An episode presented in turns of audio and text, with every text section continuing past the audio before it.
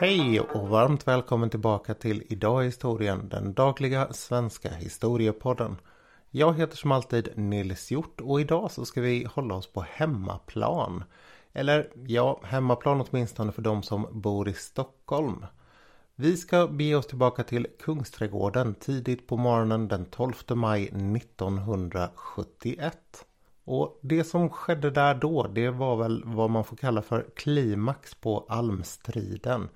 Ni vet den här fighten som gällde 13 stycken almar som man från stadens sida ville såga ner och ta bort för att kunna bygga en ny tunnelbanestation på Karl XIIs torg i Kungsträdgården. Det fanns dock ett väldigt kraftigt motstånd mot att så skulle ske. Och det som var speciellt med det här motståndet det var att det var väldigt väl organiserat. Det hade grundats ett byalag som man kallade sig 1969 som kallade sig för Alternativ stad. Och de hade tagit det på sig att skydda de här almarna. Stockholms stad de hade istället bestämt sig för att skydda almarna med ett högt plank. Det hade ställts upp ungefär ett dygn tidigare. Och ska man vara helt ärlig så var väl det här planket där i första hand för att skydda arbetarna som skulle såga ner almarna. De här aktivisterna i Alternativ stad de hade börjat tälta runt omkring det här planket och man höll ordentlig koll på ifall det hände några konstigheter. Så när det vid ett-tiden på morgonen dök upp en kranbil så visste man att nu kommer de förmodligen att börja såga ner almarna. Egentligen så skulle det ske ett dygn senare. Men man var beredd och de började då dra igång en telefonkedja. Den största gruppen lyssnare på den här podden. De är mellan 35 och 45 år gamla. Men det kan vara värt att påminna om vad en telefonkedja egentligen var ändå. Det är ju en ganska enkel eh, konstruktion som går före alla typer av sociala medier och som var det enklaste sättet att organisera mycket folk fort för. Man hade en färdig ordning för hur man skulle ringa. Så om jag till exempel blev uppringd av min kompis så skulle jag antingen ringa till en eller flera andra personer och säga till dem att nu är det på gång att sågas nere i Kungsträdgården. Och sen skulle de i sin tur ringa till några stycken innan de slängde sig på cykeln och drog iväg. Det här fungerade väldigt bra. Framåt tvåtiden så lär det ha varit ett tusental personer nere i Kungsträdgården. Och ungefär 50 minuter senare, strax före klockan tre, så anlände det ett gäng män med sågar och skydd av polisen som skulle börja ta ner träden. Polisen, både med hjälp av hästar och hundar, försöker i det här läget att hålla folk borta från planket. Men helt plötsligt så är det några som lyckas bryta igenom och de börjar att riva ner planket. Och det går ganska fort händelseutvecklingen här. Man tar sig fram till träden och börjar klättra upp i dem. Och ni som är vana vid att passera här ni vet att det ligger ett litet tehus mellan de här träden. Det klättrar man också upp på taket på. Och den här striden som pågår runt omkring här nu. Den gör faktiskt skäl för namnet.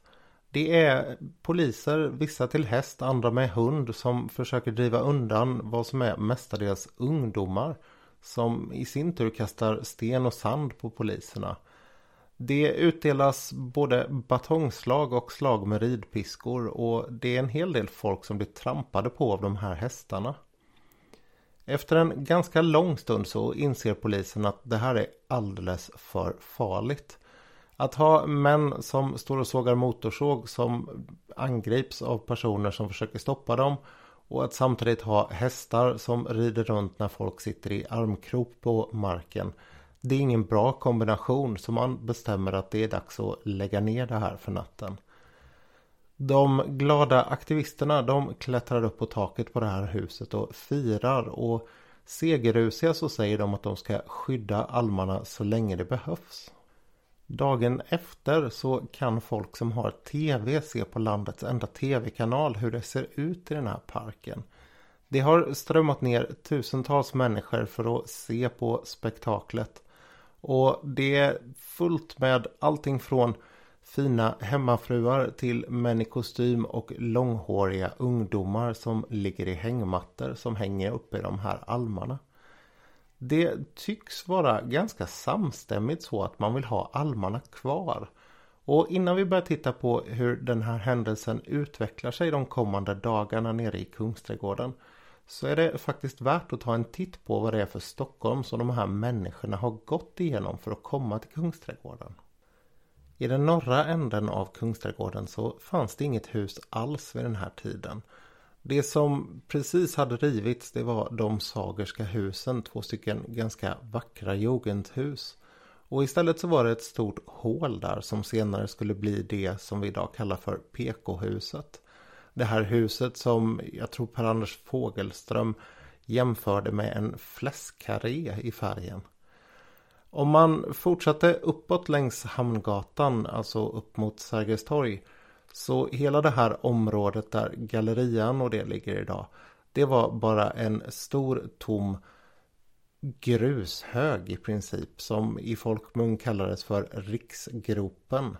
Det är värt att gå in och slå upp det ordet på Wikipedia för att se en bild ovanifrån hur det här såg ut. Det är otroligt faktiskt. Sergels torg är en liten fjutt jämfört med den här stora tomma ytan.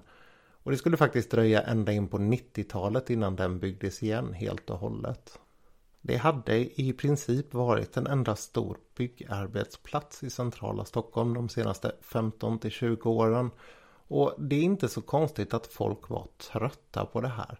Och att man dessutom saknade det gamla. Det var till stor del därför som de här almarna blev så viktiga. De blev en symbol för någonting levande och naturligt som man ville ta bort och ersätta med ännu mera betong. Så vad var det då man ville bygga istället för almarna? Jo, det var en eh, ändstation för linjen som kom in från Järvafältet.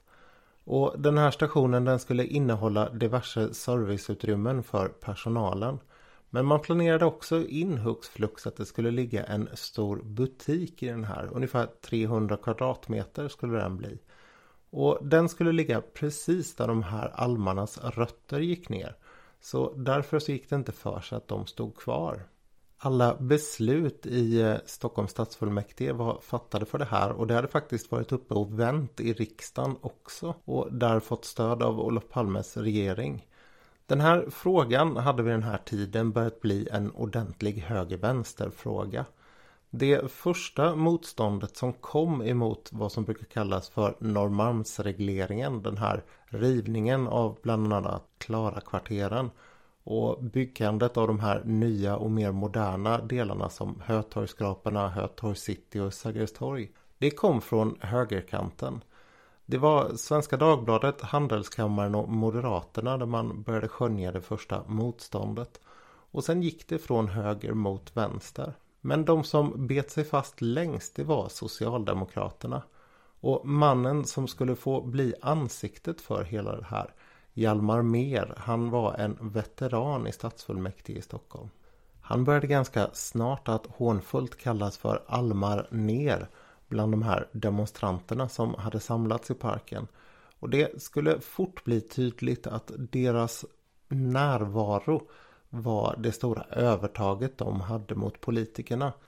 Därför att Alternativ stad, de var ordentligt förberedda. Man hade organiserat olika grupper som skötte allting från hur man skulle få mat till de demonstranterna som vaktade på plats och demonstrerade på plats. Till hur man skulle informera, man sålde olika typer av affischer och tryck och sådana här saker. Men man hade också sett till att ha svar på tal. Det fanns bland annat ett par arkitektstudenter inblandade här som hade studerat de olika stadsplanerna och när Stockholms stad hade ställt ut planen för det här då hade man gjort det i Tekniska nämndens hus. Men den planen den kunde man bara se mellan 10 och 15 måndag till fredag. Och på 70-talet då jobbade folk på ett helt annat sätt än vad man gör idag. Det var nästan omöjligt att åka från en industriarbetsplats på lunchen för att titta på något sånt här. Ehm, det Alternativstad gjorde då det var att man gick till det här huset och så kopierade man hela den här planen och tog ner den och skrev en förklaring till den och hade den på plats i Kungsträdgården. Det väckte en hel del uppmärksamhet och dessutom väldigt många protester som riktades mot politikerna. Man hade också gjort sin läxa vad det gällde de här almarna. Från tjänstemannahåll så hävdades det att de här almarna var väldigt sjuka och behövde tas ner. Det där det såg man till att kolla upp med hjälp av experter på universiteten. Och de var ute och tittade och tog prover på de här träden och kom fram till att jo visst det fanns väl lite sjukdom på dem. Men absolut ingenting som var ovanligt för träd som var 103 år gamla som de här var. Det andra steget man hävdade från tjänstemännens sida då det var att när man byggde den här tunnelbanestationen så skulle grundvattnet sjunka så mycket så att almarna skulle dö. Alternativ stad de kollade upp det här påståendet också. Och det visade sig att grundvattennivån den hade legat två meter under rötterna redan innan den här tunnelbanestationen byggdes under Kungsträdgården. Den var ju redan klar när den här almstriden skedde. Dessutom så lever almar tydligen inte alls på grundvatten utan bara på regnvatten. Så det var en ren lögn från politisk sida. För att kontra vad de hade i närvaro i parken så köpte man också in sig från politiskt håll i eh, de stora Stockholmstidningarna med ett stort uppslag den 15-16 maj. Där försökte man förklara för allmänheten vad det var man ville göra i Kungsträdgården egentligen. Och en hel del av det som påstods där verkar ha varit ren lögn eller i alla fall inte haft något som helst stöd i politiska beslut. Samtidigt så gick Stockholms skolelever ut och sa att de var beredda att skydda almarna ifall det skulle dra ut på tiden. Och de kunde fortsätta i månader påstod de. Det är också slående vilken arrogans man visar från politiskt håll i den här frågan. Hjalmar Mer har redan 1969 sagt att den här romantiken som finns för Klara-kvarteren det är bara de rikas romantik.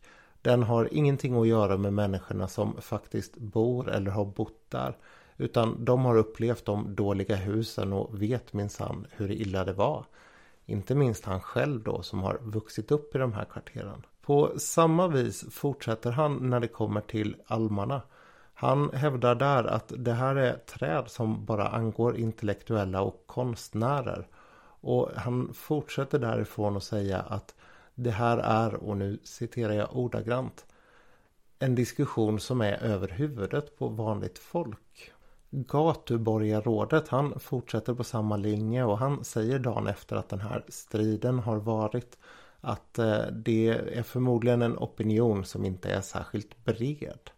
När Sveriges Radio senare gör en undersökning för att se vad det finns för stöd för att behålla almarna då visar det sig att 70% av stockholmarna de vill ha kvar dem. Gatuborgarrådet han säger istället att det är bara en arbetsteknisk fråga när de här träden ska försvinna.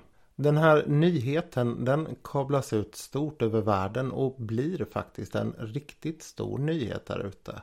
Det talas om att det var 200 miljoner människor som såg utsändningarna kring de här bråken i det fridfulla Sverige. Och det här är ju en uppmärksamhet som man inte vill ha ifrån regeringen Palmes sida. De börjar ganska snart att se Hjalmar Mer som ett problem och han kommer senare under hösten 1971 att flyttas från eh, stadshuset och istället bli landshövding i Stockholm. Måndagen den 17 maj så blir det också klart för demonstranterna att de har vunnit. Man meddelar att det här beslutet det måste göras om och att man skjuter avverkningen på obestämd tid framåt. De här träden är ju uppenbarligen inte nedsågade än så att det är klart och tydligt att de vann. Det som är ganska häftigt är att sågmärkena är kvar i träden. Så om ni bor i Stockholm eller om ni besöker Stockholm, gå och titta på de där sågmärkena. Det är ganska häftigt att kunna ta på historia på det där sättet.